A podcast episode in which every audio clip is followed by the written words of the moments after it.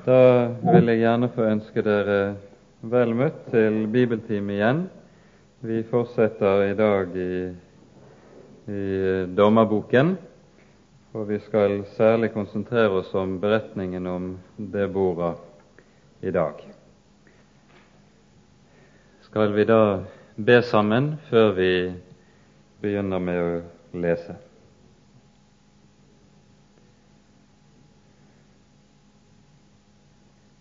Kjære Herre, vi takker deg for dine ord, at vi på ny skal få lov til å samles om det du har talt.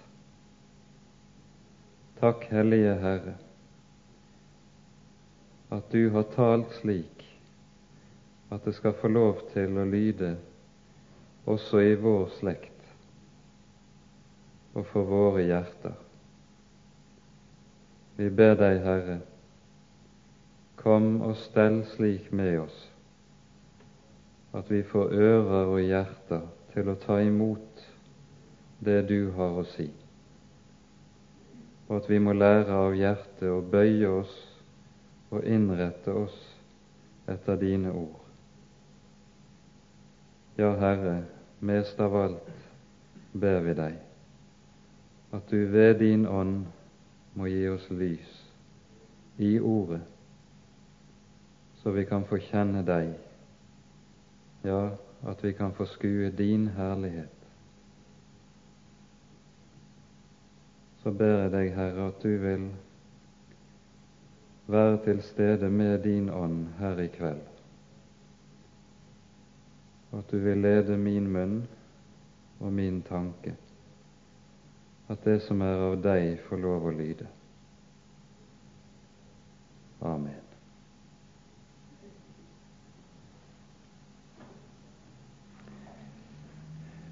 Sist gang begynte vi altså med Dommernes bok, og vi skal ganske kort innledningsvis sammenfatte litt av det som vi stanset opp for forrige gang.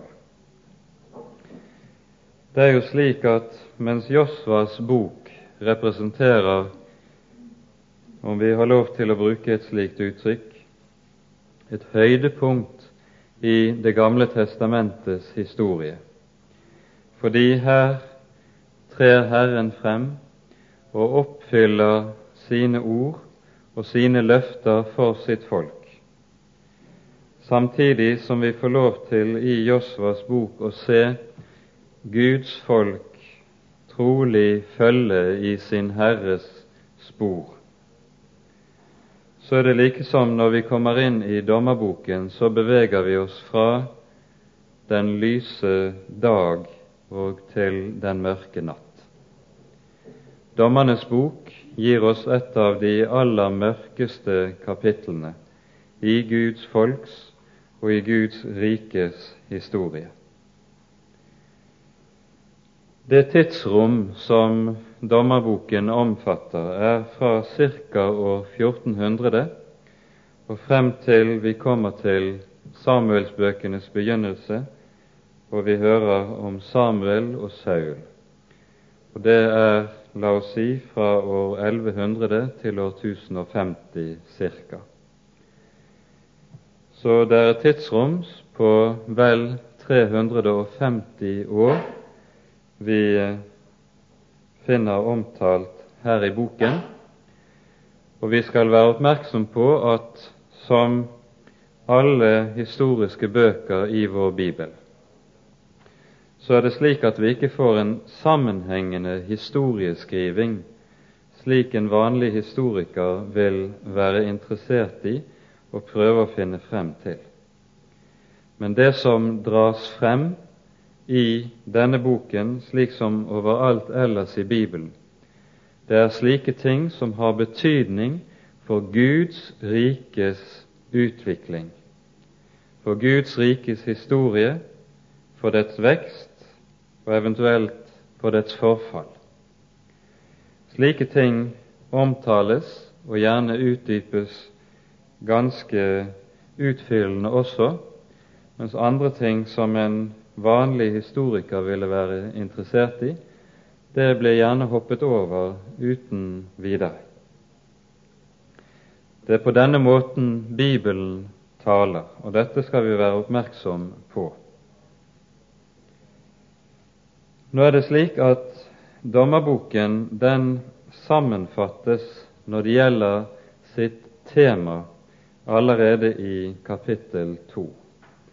Vi så litt på det forrige gang, men vi skal stanse opp for å repetere litt fra kapittel 2, som vi ikke fikk gått nærmere inn på sist gang, nå i dag. Og Da tror jeg at vi skal begynne med å lese fra vers 8 i det annet kapittel nå.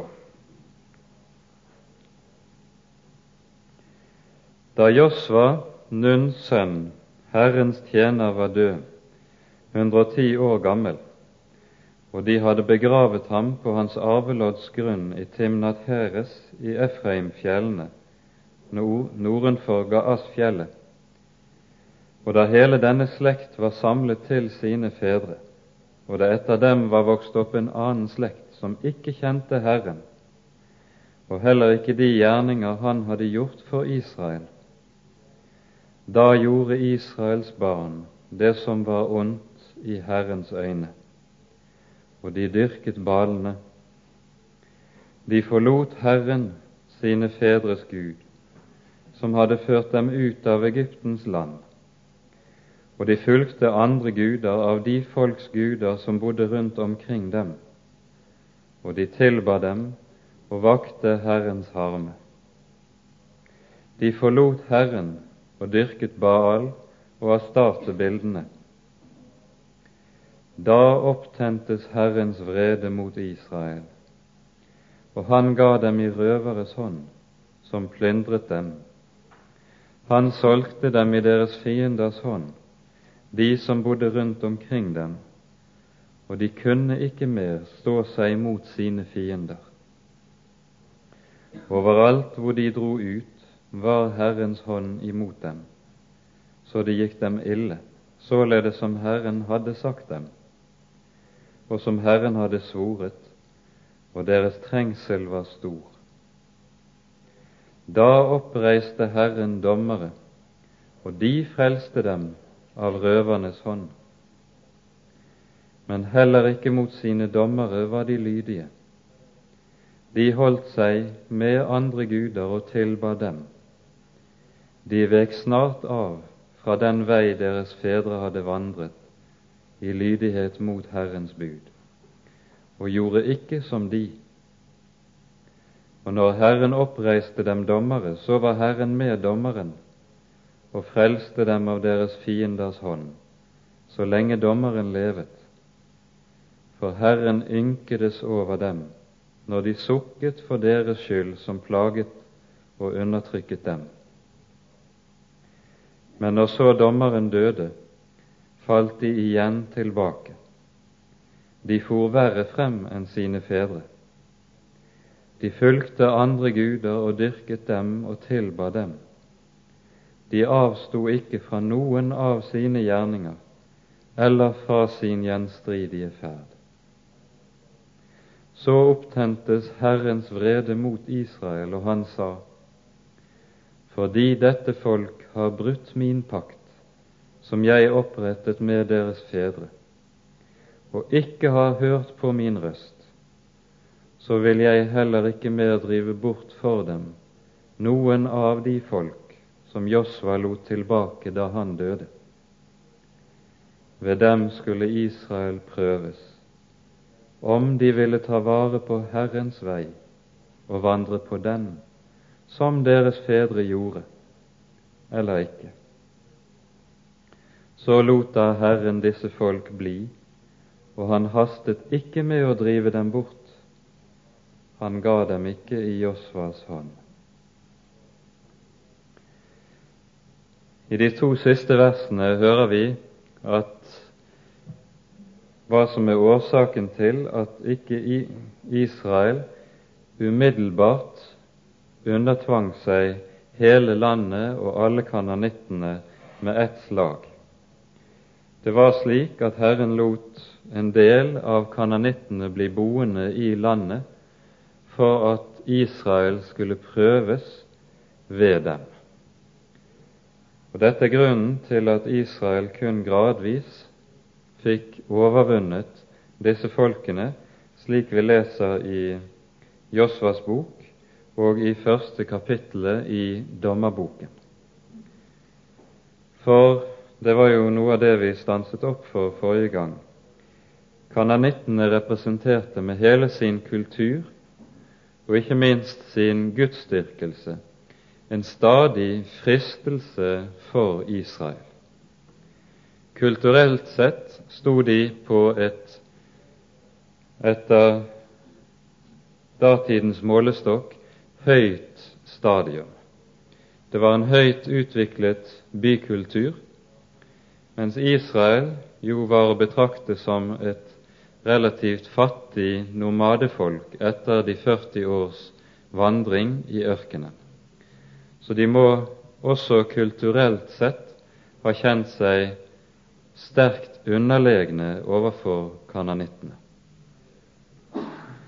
I tillegg, dette så vi jo mer utfyllende på forrige gang, representerte den kananittiske gudsdyrkelsen en stadig snare for Israel, fordi den ved sin sanselighet øvet en sterk tiltrekningskraft på folket.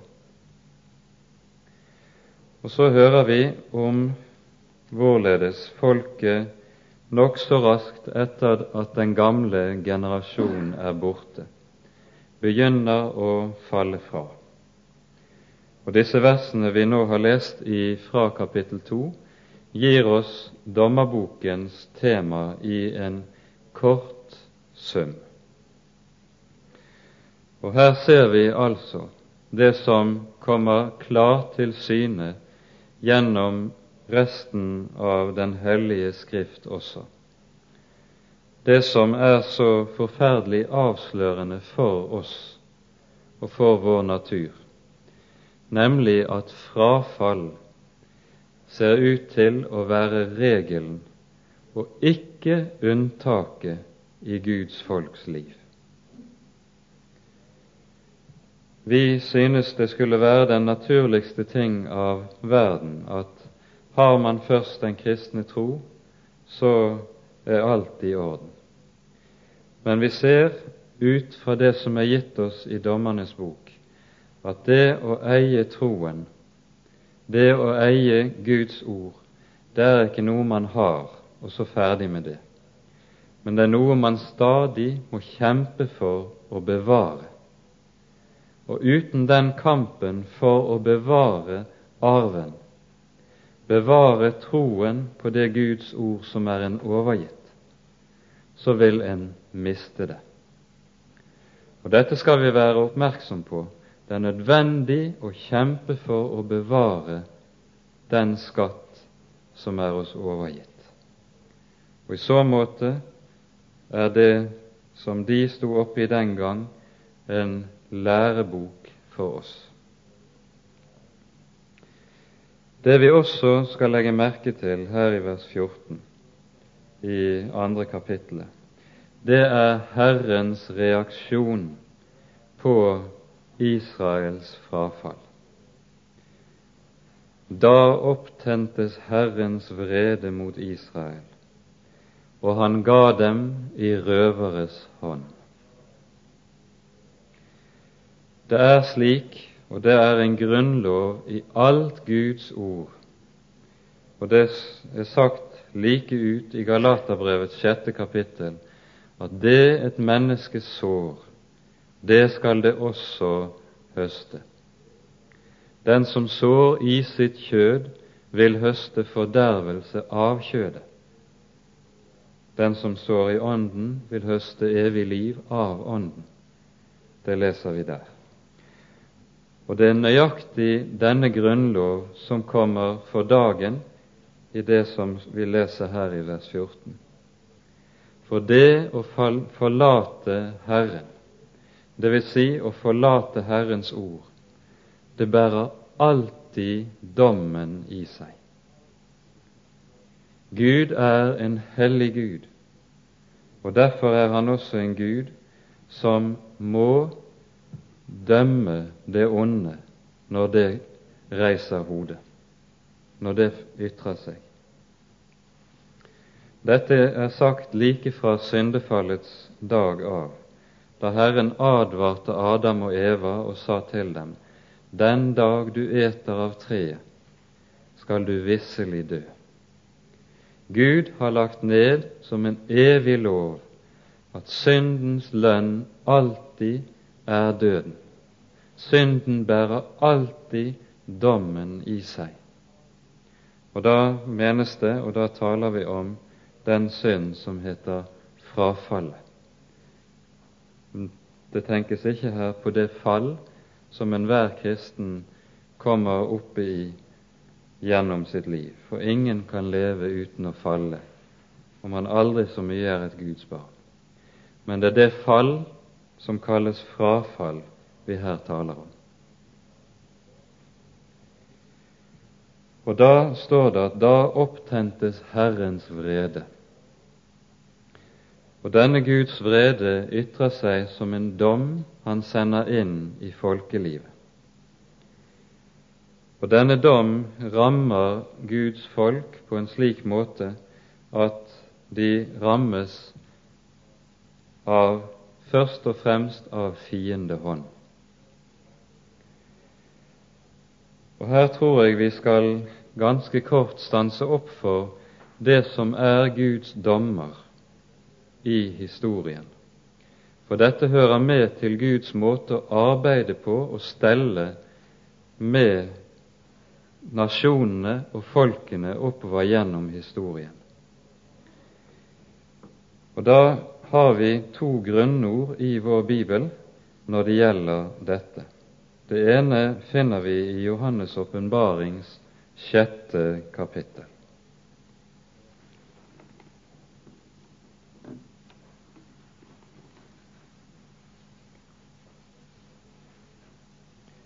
Det sjette kapittelet i Johannes' åpenbaring har den stilling og betydning i denne boken at det liksom gir oss eh, på en måte det store sammenfatningen av det som videre utfoldes gjennom åpenbaringsboken.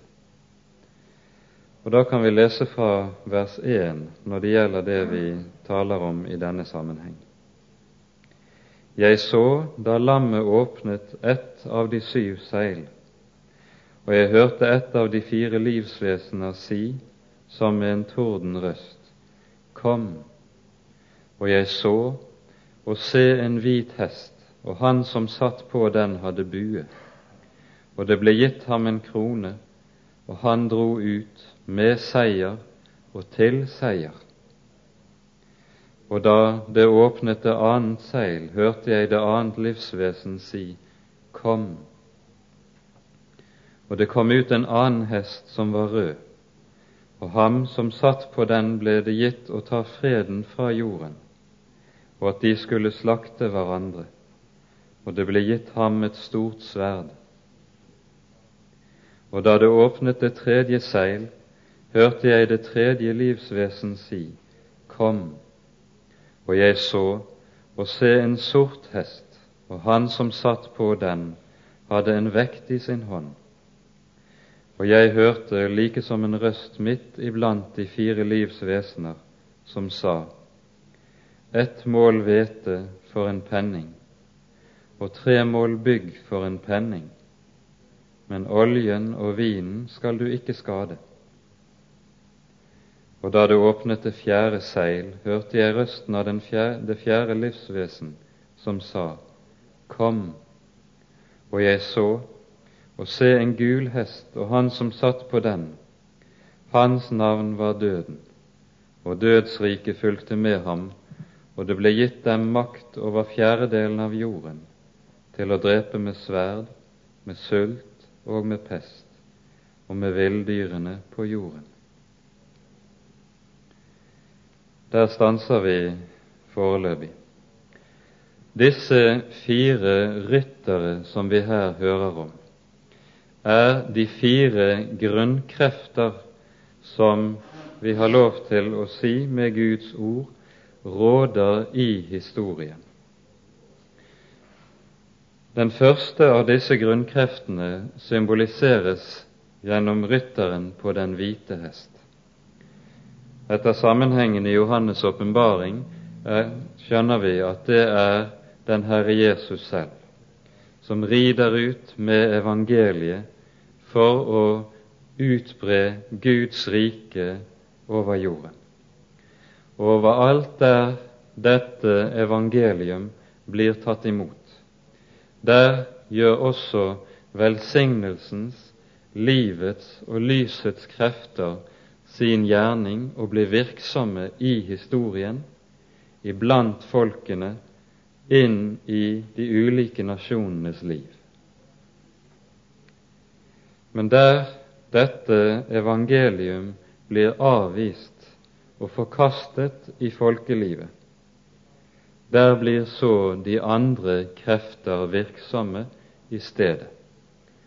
Og disse er representert ved de tre øvrige, eller de tre følgende rytterne, som gir oss og peker på for oss forbannelsens og dødens krefter som gjør sin gjerning i historien.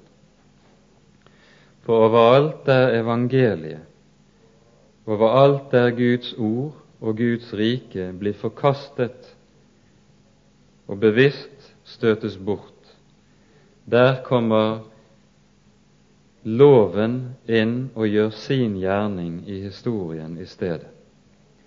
Og der menneskene skal dømmes etter loven og dens gjerning, der kommer forbannelsen til å bli den som blir den virksomme i historiens liv.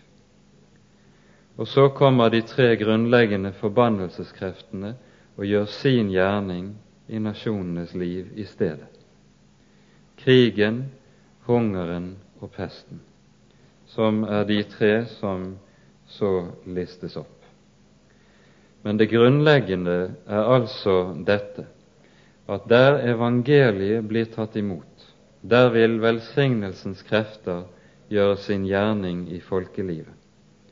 Men der evangeliet blir forstøtt, der kommer folkene i stedet under loven og må svare regnskap under loven.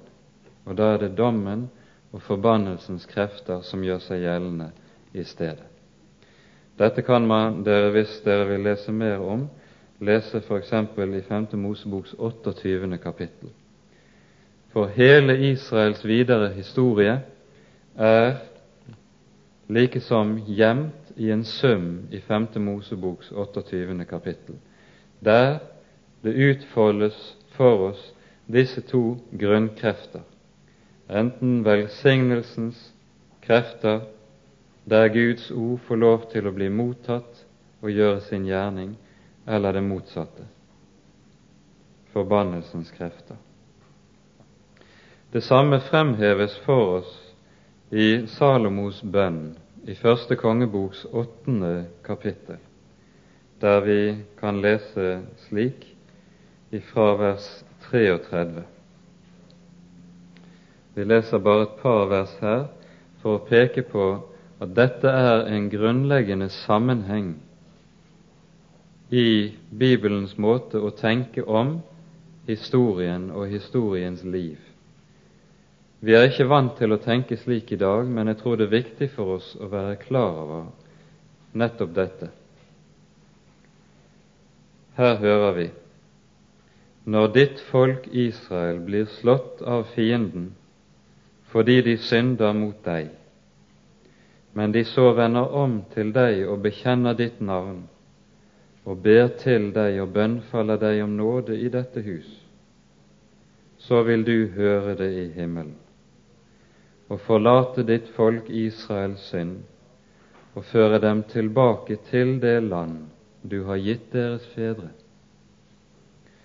Når himmelen lukkes så det ikke kommer regn fordi de synder mot deg, og de så ber, vent imot dette sted og bekjenner ditt navn, og vender om fra sin synd, fordi du ydmyker dem, så vil du høre det i himmelen og forlate dine tjeneres og ditt folks Israels synd, fordi du lærer dem den gode vei de skal vandre, og du vil la det regne over ditt land, som du har gitt ditt folk til arv når det kommer hungersnød i landet, når det kommer pest, når det kommer brann og rust på kornet, osv. Vi behøver ikke å fortsette. Dere skjønner hva som her er, sies. Det er altså en nøye sammenheng mellom frafall fra evangeliet, frafall fra Guds ord i folkelivet, og at dommens krefter begynner å gjøre seg gjeldende. Dette er nettopp Israels historie en eneste sammenhengende anskuelsesundervisning på for oss. Samtidig ser vi en annen viktig ting her i dette avsnittet i første kongebok.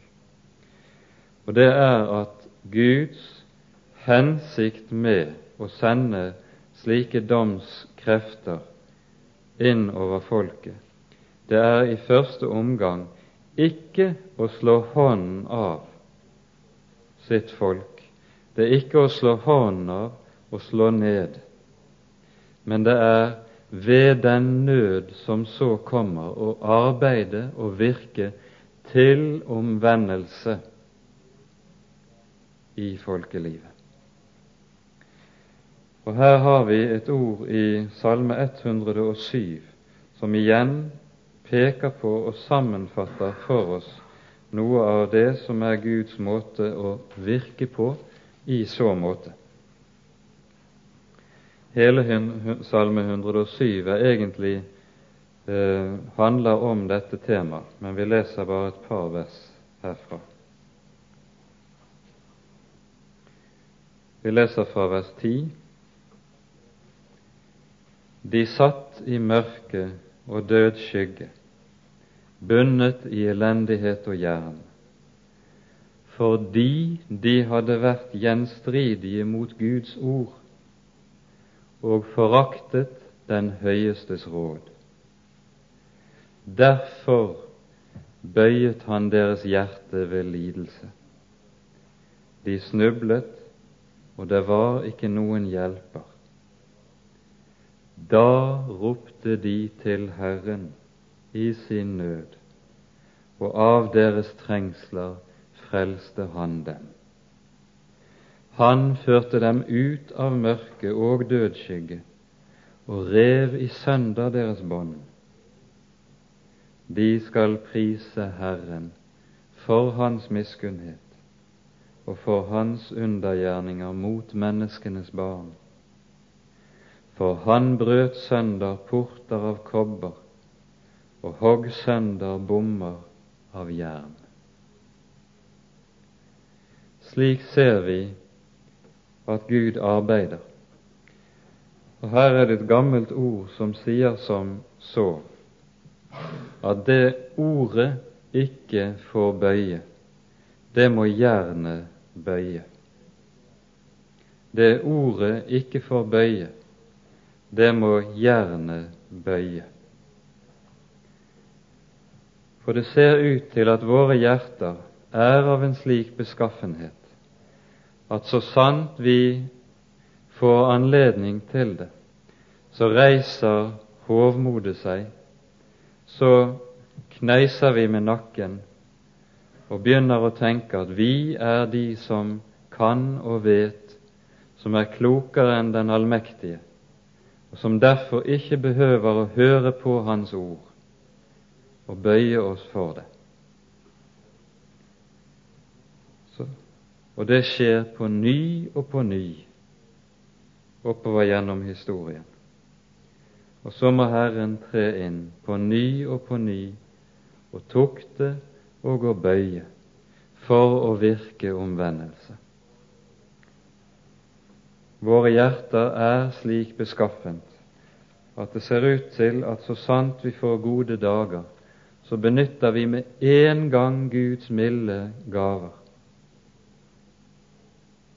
til, eller i egoistisk øyemed, til egen vinning og til å forkaste det som er oss gitt av Herren.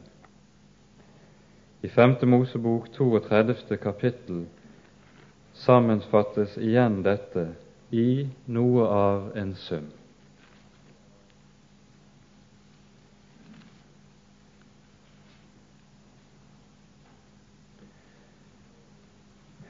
Her har vi i dette kapittelet Moses' avskjedssang, som han synger før han går opp på Nebo berg for å dø der oppe. Så sammenfatter Moses i begynnelsen av dette kapittelet hvorledes Herren har ført og velsignet og holdt sitt folk oppe.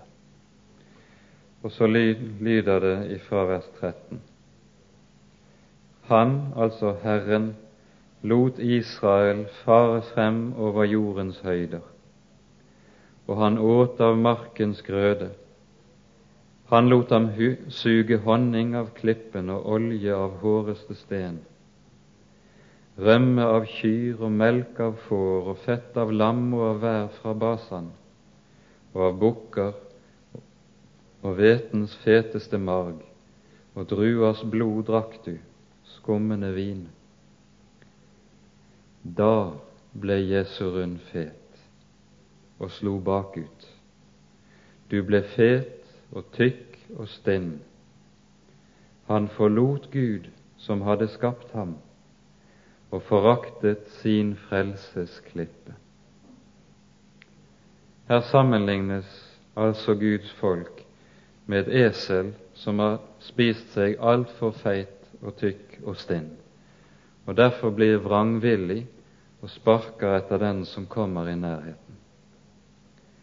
Og slik ser det dessverre ut til oppover gjennom Guds folks historie, at medgangstider der vi får lov til å få det godt, får lov til å oppleve velsignelse og rike dager, det blir også forfallstider og frafallstider. Gode og rike dager ser i historien alltid ut til å være forfallstider. Og vi kjenner det altfor godt igjen i vår egen tid. Det er nettopp slik vi bruker Guds gode gaver i vår tid. Han har velsignet vårt land langt, langt rikere enn de aller fleste land i, i vår verden.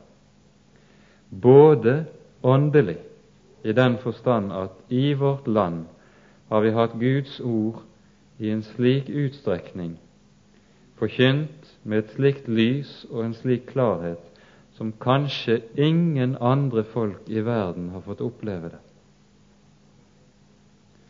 Og så har vi også materielt fått en velsignelse som kanskje ingen andre folk i historien har fått oppleve det. Men hvordan bruker vi det? Vi blir som det fete eselet som sparker bakut og forlater vår frelses klippe, som det står om Israel. Dette er altså noe av det vi ser skje oppover gjennom hele historien. Og så går det slik som det har gått i Dommernes bok, og som vi nå skal lese om. At Herren må sende sine dommer. Og dette skal lære oss å frykte med tanke på vårt eget land, hvordan det skal gå for oss. For vel er det slik at det som står i disse kapitler i Bibelen om det som hendte Israel, også gjelder i symbolsk forstand. Det vil si at når vi er troløse mot Guds ord, så kommer døden til å gjøre seg gjeldende inn i menighetsliv, i kristenliv, slik at det blir noe tungt, noe dødt, noe goldt og noe kaldt i kirkelivet, i menighetslivet, som følge av at Guds ord ikke får lov til å lyde klart og rent, men blir erstattet med andre ting. Men det gjelder også i bokstavelig forstand, på historiens arena, slik at om det vi nå ser skje, utvikle seg i ikke minst vårt eget Skandinavia, om dette frafall skal fortsette å få lov å utfolde seg, og Gud ikke sender vekkelse med omvendelse inn i folkelivet, slik at det blir gjennomgripende, så er det stor fare for hvordan det skal komme til å gå med land og folk fremover. Og dette må vi vite, og dette burde drive oss på kne.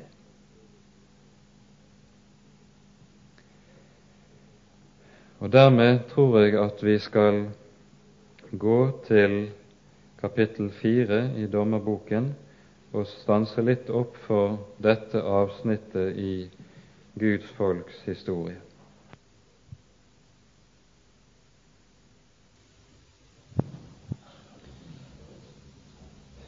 Da Ehud var død, gjorde Israels barn atter det som var ondt i Herrens øyne. Og Herren solgte dem i Javins, Kanans konges hånd. Han regjerte i Hasor. Hans hærfører var Sisera, som bodde i Haroset Hagoyim. Og Israels barn ropte til Herren, for han hadde 900 jernvogner og han trengte Israels barn hårdt i tyve år. Og Debora, en profetinne, Lapidots hustru, dømte Israel på denne tid. Hun satt under Deboras palmetre mellom Rama og Betel på Efraimfjellet, og Israels barn gikk opp til henne for at hun skulle skifte rett mellom dem. Hun sendte bud og kalte til seg Barak, Avinoams sønn fra Kedesh i Naftali, og sa til ham, Hør hva Herren, Israels Gud, har befalt. Gå av sted og dra opp på Tabor-fjellet og ta med deg ti tusen mann av Naftalis barn og av Sebulons barn. Og jeg vil dra Sisera, Javins hærfører og hans vogner og hans hær bort til deg, til Kisonbekken og gi ham i din hånd. Da sa Barak til henne, Hvis du går med meg, vil jeg gå, men hvis du ikke går med meg, så går heller ikke jeg. Og hun sa, Gå med deg skal jeg, men æren skal dog ikke bli din på den vei du går, for i en kvinnes hånd skal Herren selge Sisera. Så gjorde Debora seg rede og gikk med Barak til Kedes. Og Barak stevnet Sebulon og Naftali sammen til Kedes, og ti tusen mann dro opp efter ham, og Debora gikk med ham. Men kenitten Heber hadde skilt seg fra kenittene, fra Hobabs, Moses svogers barn, og han flyttet med sine telt like til Saanayim, eken ved Kedes. Da Sisera fikk spurt at Barak, Avinoams sønn, hadde dratt opp til Taborfjellet, stevnet han sammen alle sine vogner, 900 jernvogner og alt det folk som var med ham, at de skulle komme fra Haroset Hagoyim til Kisonbekken. Da sa Devora til Barak, opp, dette er den dag da Herren har gitt Sisera i din hånd drar ikke Herren ut foran deg? Så dro Barak ned fra Taborfjellet, og ti tusen mann fulgte ham. Da slo Herren Sisera og alle vognene og hele hæren med redsel, så de ikke kunne stå seg for Baraks sverd. Og Sisera steg ned av vognen og flyttet til fots og flyktet til fots men Barak forfulgte vognene og hæren til Haroset Hagoyim, og hele Siseras hær falt for sverdets egg. Det ble ikke én eneste tilbake. Sisera flyktet til fots til Jaels telt. Hun var Kenitten Hebers hustru, og det var fred mellom Javin, kongen i Hasor, og Kenitten Hebers hus. Da gikk Jael ut mot Sisera og sa til ham, Kom inn, min herre, kom inn til meg og frykt ikke. Og han gikk inn i teltet til henne, og hun gjemte ham under teppet, og han sa til henne, Kjære, Gi meg litt vann å drikke, jeg er tørst. Da åpnet hun melkeflasken og lot ham drikke og dekket ham til. Og han sa til henne, Stå i teltdøren, og dersom det kommer noen og spør deg, er det noen her, da si nei. Men Jael, Hebers hustru, tok en teltplugg og gikk sakte inn til ham med en hammer i hånden og slo pluggen gjennom tinningen på ham så den gikk ned i jorden. For trett som han var, var han falt i tung søvn. Således døde han. Da nå Barak forfulgte Sisera, gikk Jael ut imot ham og sa til ham, Kom, så skal jeg vise deg den mann du søker etter. Og han gikk inn til henne, og se, der lå Sisera død med pluggen gjennom tinningen. Så ydmyket Herren på denne dag Javin, Kanaans konge, for Israels barns øyne. Og Israels barns hånd lå tyngre og tyngre på Javin, Kanans konge, til de helt hadde gjort ende på Javin, Kanaans konge.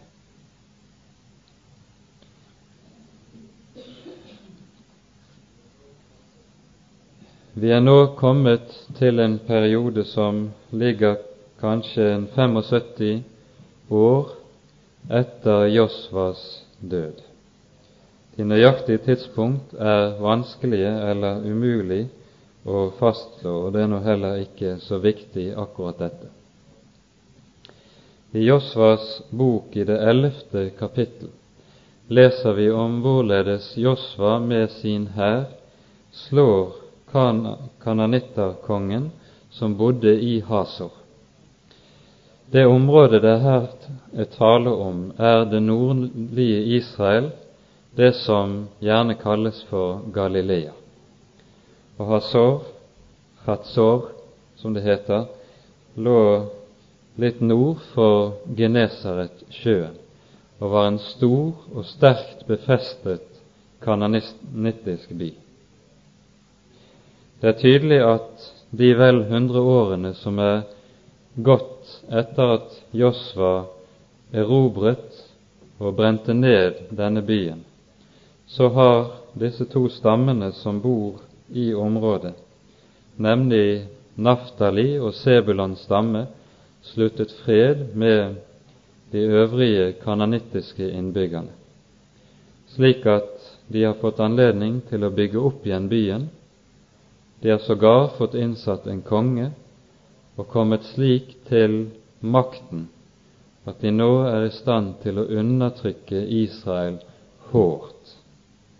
De har altså fått en så sterk militær stilling at Israels stammer ikke er i stand til å stå seg mot dem. Og vi hører om de 900 jernvogner det er tale om her, som var stasjonert Det må altså ha vært en større militær forlegning i dette stedet som heter Haroset Hagoyim. Det betyr folkenes smie, direkte oversatt, og lå ved den sydlige grensen i Galilea. Og navnet kommer da antagelig av at her dette har vært det sted som var kananittenes våpensmie direkte. Slike jernvogner som dette representerte en overordentlig sterk militærmakt i datiden, og dersom man bare hadde fotfolk og ikke hester heller, så var en slik militærmakt umulig å møte og å stå seg mot. Disse jernvognene var en forferdelig militærkraft. Og det var vel ikke sjelden at man gjorde slik man hadde lært hos egypterne også, at på hjulene til disse vognene festet man kniver, slik at når vognene red inn i en gruppe av fotfolk, så ble de Ja, vi skjønner hvordan det gikk. Men årsaken til at kananittene er kommet slik til makt, det skjønner vi av det som står i vers 1. Da Ehud var død, gjorde Israels barn atter det som var ondt, i Herrens øyne. I grunnteksten skulle, etter grunnteksten skulle det egentlig oversettes Israels barn fortsatte å gjøre det som var ondt i Herrens øyne. Og vi skal også legge merke til dette uttrykket. Det taler om det som er ondt i Guds øyne.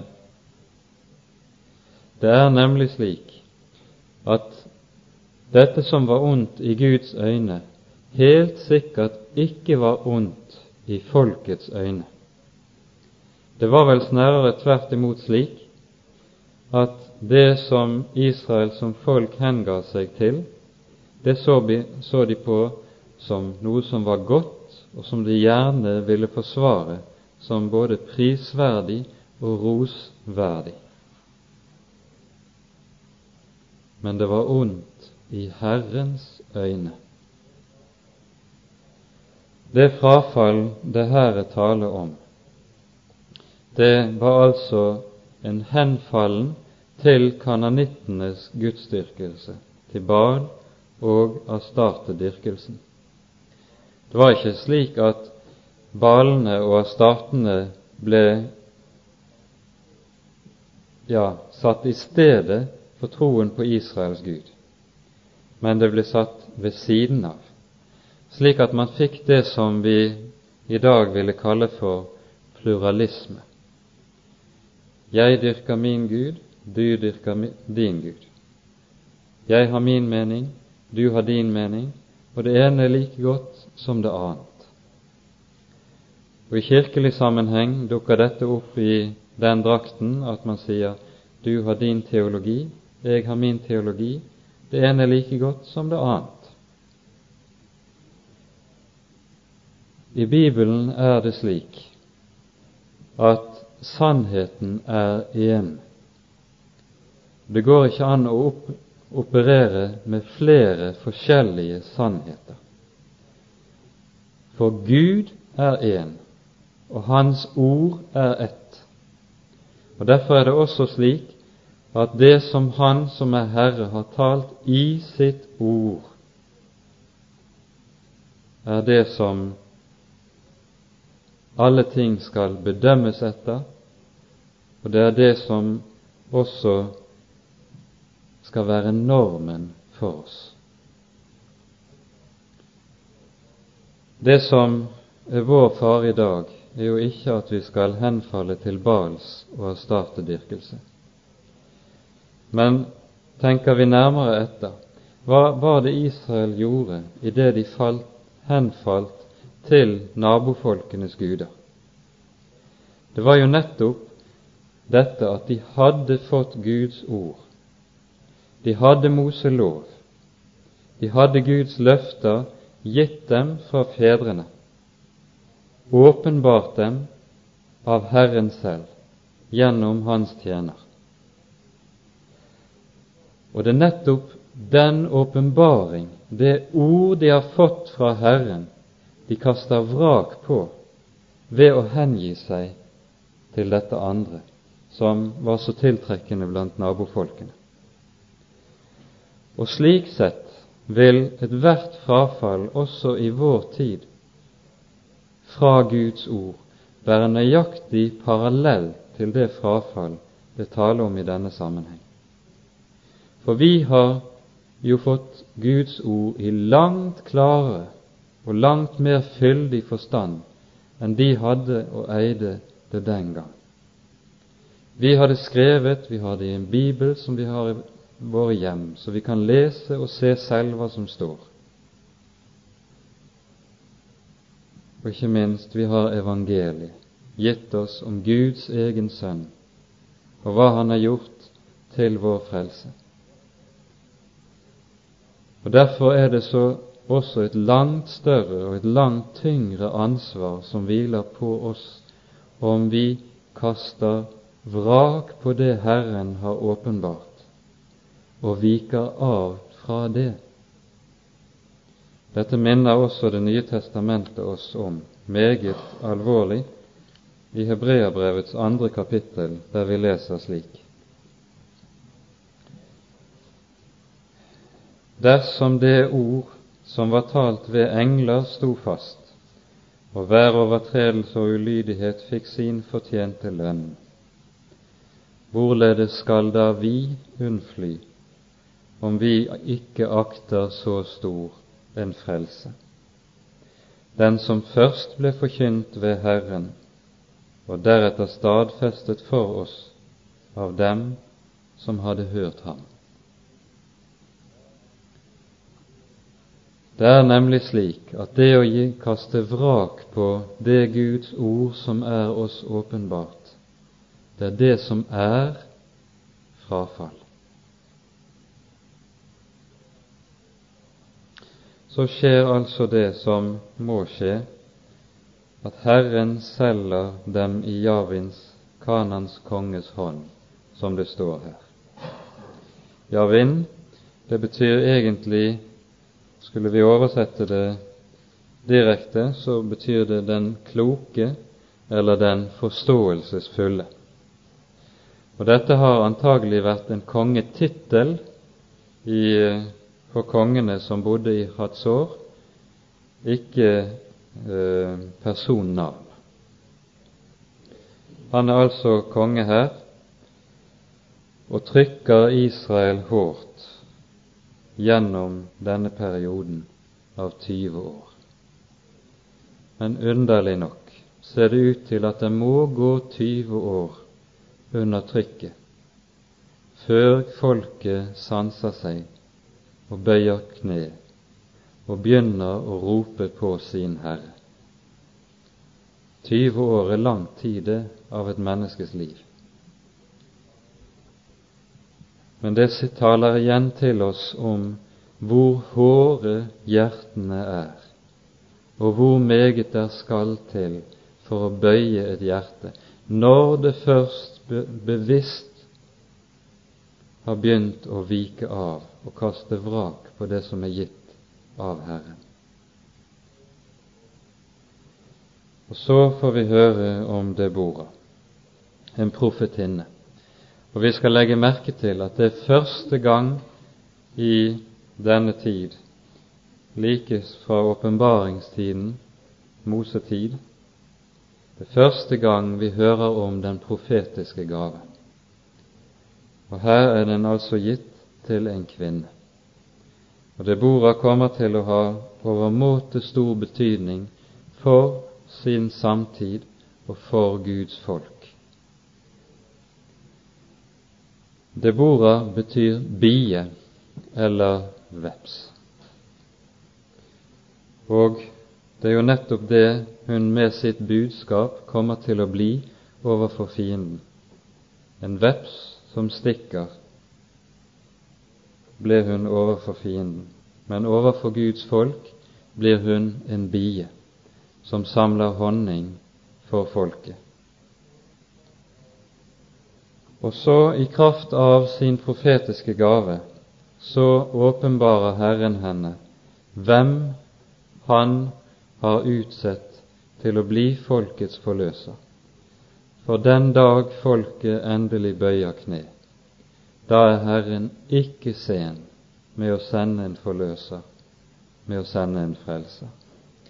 Og så sendes det bud etter Barak. Og vi skal merke oss disse to navnene også. Debora kalles for Lapidots hustru. Lapidot betyr fakler, og i jødisk tradisjon har dette gjerne vært oversatt litt annerledes, nemlig at hun var en brennende kvinne, en som brant som en fakkel, for slik kan dette uttrykket også oversettes. Og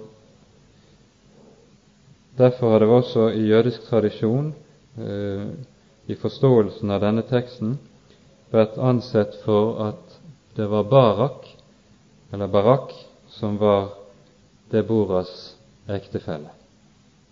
Barak betyr lyn eller torden. Han er det altså Herren ved sin ånd kaller og sender. Og de skal samle 10 000 mann på fjellet Tabor. Barak er antagelig litt ille til mote, og han har vondt for å tore å gå alene. Han trenger Deborah til å støtte seg på når han skal dra i striden. For det er ingen liten fiende han skal møte. Så drar de først helt nord i landet og samler Israels høvdinger, og fra dem går så budet ut alle skal samle seg på Tabor. Og Da er det viktig, når vi skal forstå det som her står, at vi har litt av geografien klart for oss. De av dere som har vært i Israel, har kanskje vært på Tabor. Det er et fjell på en 300-400 meters høyde som ligger ute nær Middelhavet. På nordenden av denne store sletten som kalles Jesraelsletten og som eh, også gjerne kalles for Megiddo-sletten.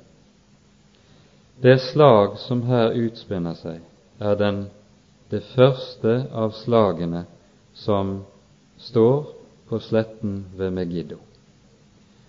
Og I åpenbaringsboken 16. kapittel leser vi om det siste slaget som skal stå på denne sletten. Og Det er liksom denne teksten her gir et lys fremover mot den dagen, for det er den samme seier, og den seier som har noe av det samme kjennetegn ved seg som vi her møter. Sletten er stor og vid, og den egner seg meget godt for nettopp stridsvogner av den sorten som Sisera disponerer.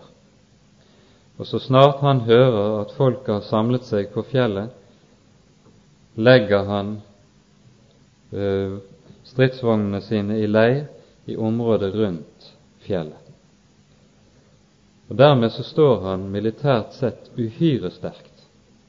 For Israels fotfolk, som både er militært meget dårlig rustet og tydelig heller ikke har synderlig trening når det gjelder strid, de står svakt. For så snart de trer ned fra Tabor, vil de være et hjelpeløst bytte for stridsvognene.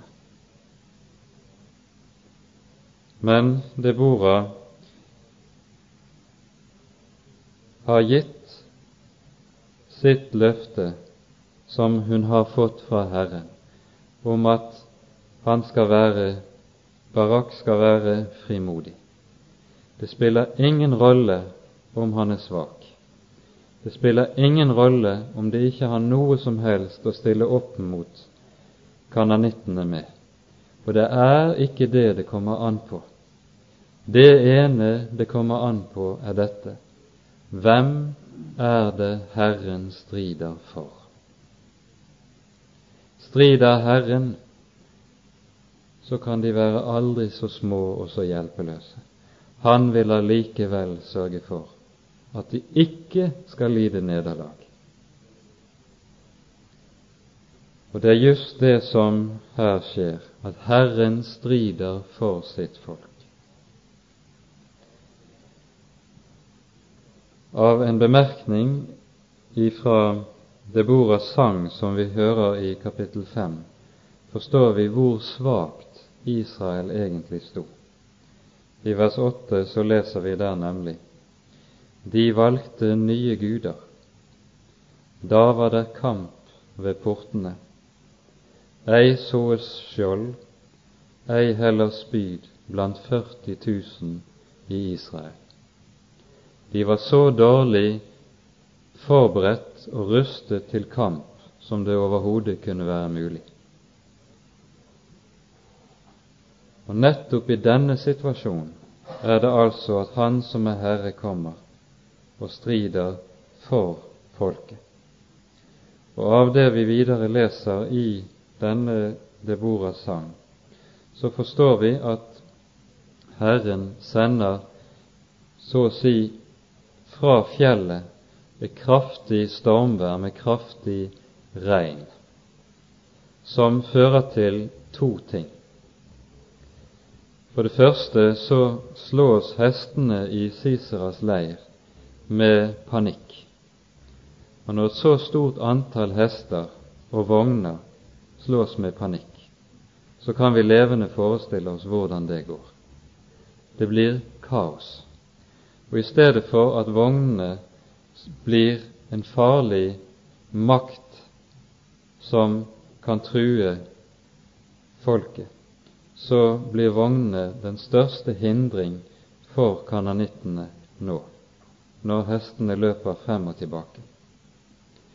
Og sammen med det kraftige regnskyllet, dere kan lese videre i Deboras sang om det, så svulmer Kisons bekk opp, med den følge at mange av kananittene tas av elven som nå har svulmet såpass sterkt opp at de ikke klarer å bli stående i strømmen.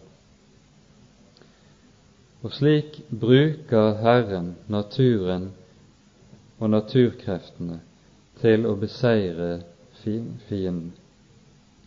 Han sprer forvirring i fiendens leir, så fienden så å si faller for eget grep.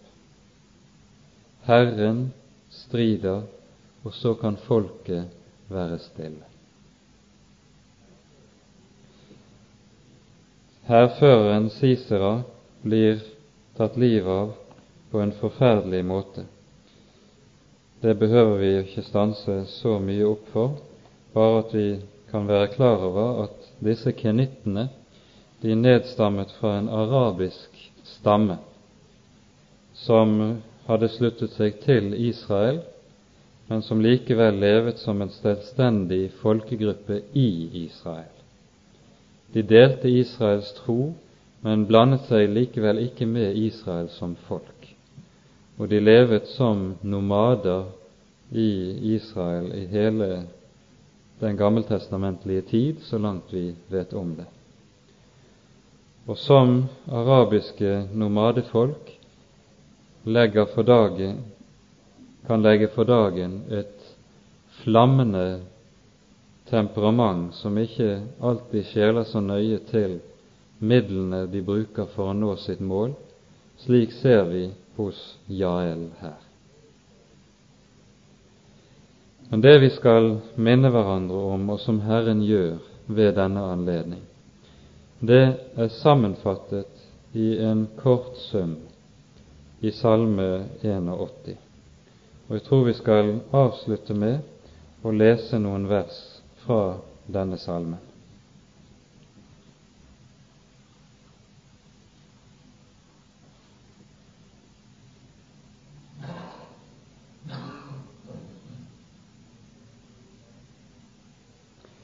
Dette er en av de salmene som er skrevet for å bli sunget under høytidene, først og fremst påske- og løvsalshøytidene.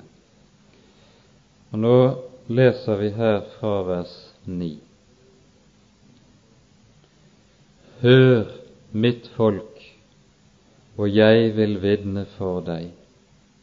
Israel, o at du ville høre meg det skal ikke være noen fremmed gud hos deg, og du skal ikke tilbe utlendingens gud.